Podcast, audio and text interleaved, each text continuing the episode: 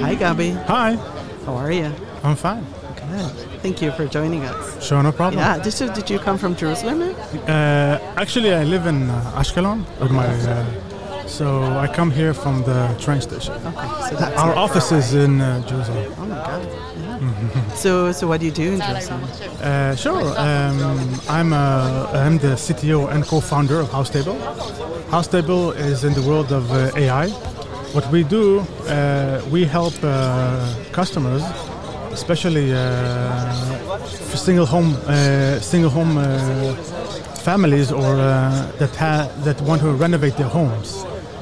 What we found out is, a, is an issue in the in the U.S. market that people have no access to to money to renovate their homes.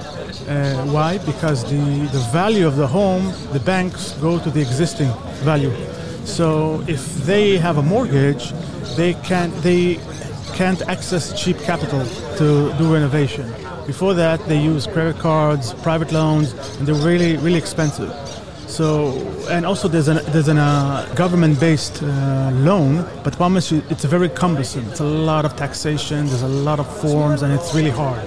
And also, what we realize also that the appraisal process is also very expensive and very um, very long, because for an appraisal it costs between 500 to 1,000 dollars per appraisal.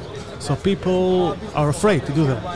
So what we invented is a, a way to understand uh, the future value of the home through AI pictures. So our customer downloads an app, he takes pictures of his home, and then we give him a recommendation what kind of renovation or improvement uh, um, uh, improve the value of the home and what kind of finance he can use. So uh, in a process that took between three to four months, we can reduce it to half an hour.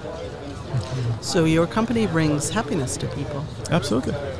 That's the name of the game. Happiness. right? so do you have pictures of before and after houses renovated? Yeah, but not here. But yeah, so uh, so what we are, we are mu- much more B2B to C company. That means we work with credit unions in the United States. They use our technology to their customers. So that's what we do. So uh, yeah, we started. We we got fund. We got uh, created. We uh, uh, was 2021. Uh, we got fundraising, of course, and ever since we are now negotiating with the big credit unions in the United States that uh, will use our that are gonna use our product. That's that's, that's what we are. Uh, we hope we're gonna. I, hope we're gonna launch this year. No, uh, of course, uh, bugs. So yeah, I think we're very excited. Uh, this is going to be an interesting year for us. And do you think staying home at the pandemic was a catalyst in looking at houses, or is just a trend? Yeah, so we see a trend because the interest rates in the United States are high. So refinancing is a, is a problem. Right. So what we what happens is you can create a second lien on your home, right? Because our um, our uh, our uh, loan is a mortgage actually, so it's a it's a second lien on the house. So it's a low interest mo- uh, uh, loan. Everything else is not, so it's expensive. And uh, so what we do, how do we do that? So we do we have a um, lien on the house, second lien. Right. So we that's how we do the process. So, uh, Would so- you would you call yourself a fintech company? Or Absolutely. Because the big difference uh, to me, I always say to people, all the companies that uh, definition of a fintech company at the end, are you dealing with money? If you're not, you're not a fintech. You're no, you're a nice, maybe uh, a CRM for banks or ERP for bank for financial institute. If you don't deal with direct money, you- you're actually not. You're just okay. You're you're nice. You're advanced CRM or you're advanced ERP. But if you don't touch the money, you're not fintech actually. Do you see in the future a TV show of home renovation with your company sponsoring it? Could be, you know, could be. Uh, I just gave you like it's a really million dollar advice. yeah, know, let's see, let's see what we got. You know, uh, So what are you looking forward to seeing in this uh, conference today? um, well, let's, let's see what's the the, uh, the AI stuff. You know, the SageMaker, something that's very interesting for us because it uh, reduces our uh, complexity of you know, developing, deployment, training, all the all the advanced models because we got a lot uh, and different also. Uh, scalability um, is very important for us. Uh, those kind of things, um, uh, and uh, see how can we improve the you know, monitor, you know, the boring stuff, the monitoring, the debugging, all the all the nice stuff. Uh, that's what I'm saying.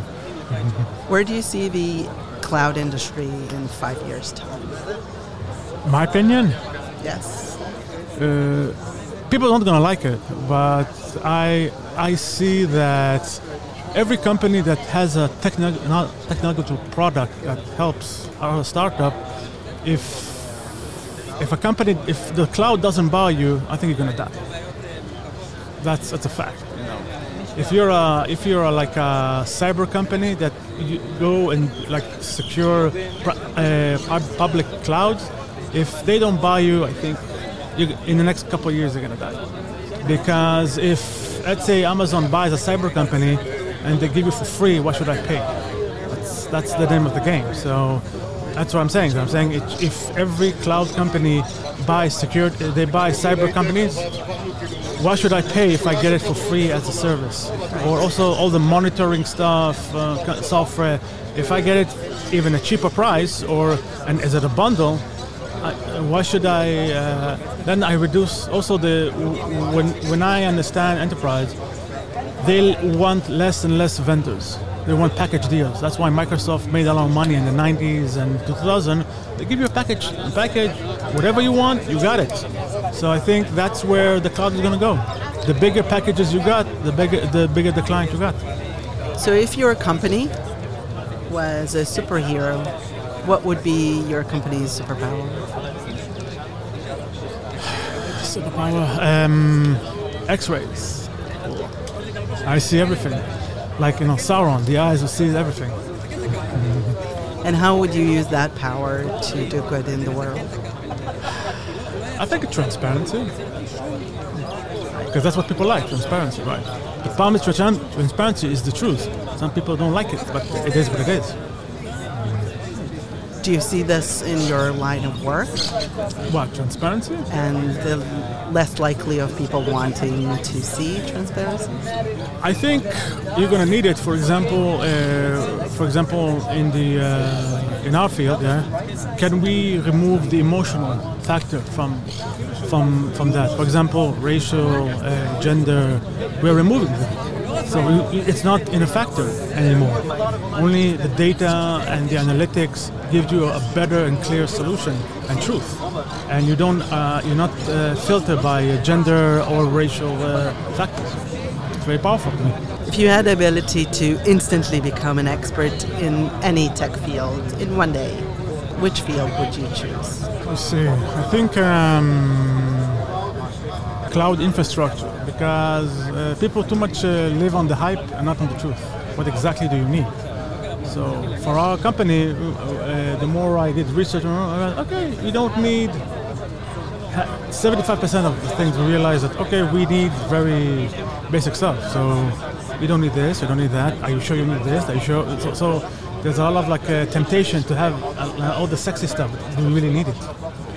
Circling back to the truth and what you said earlier, what do you think the cloud industry should do to be more inclusive, um, more transparent, and uh, eliminate feelings, maybe? Yeah, but uh, those two are two different things. So it's uh, inclusive and uh, transparency are two different things. So Which one do you want to answer? Okay, it's both uh, inclusive. So the question is about inclusivity is what? Uh, more women in, in the workspace? Uh, I, I- I would say stuff like that. I think I think there is. You see more. Uh, it's a process, you know, but uh, it's also initiative. Like um, you can't drink from the well. You need to come to the well. Right. Um, final question. sure. What should we change in the cloud to produce more rain? Rain. Uh-huh. So you want electronic rain or real rain? Um, You ah. tell me. I think power efficiency. That's, that's the key. Wonderful. Thank you. Thank you. You're welcome. Thank you so much.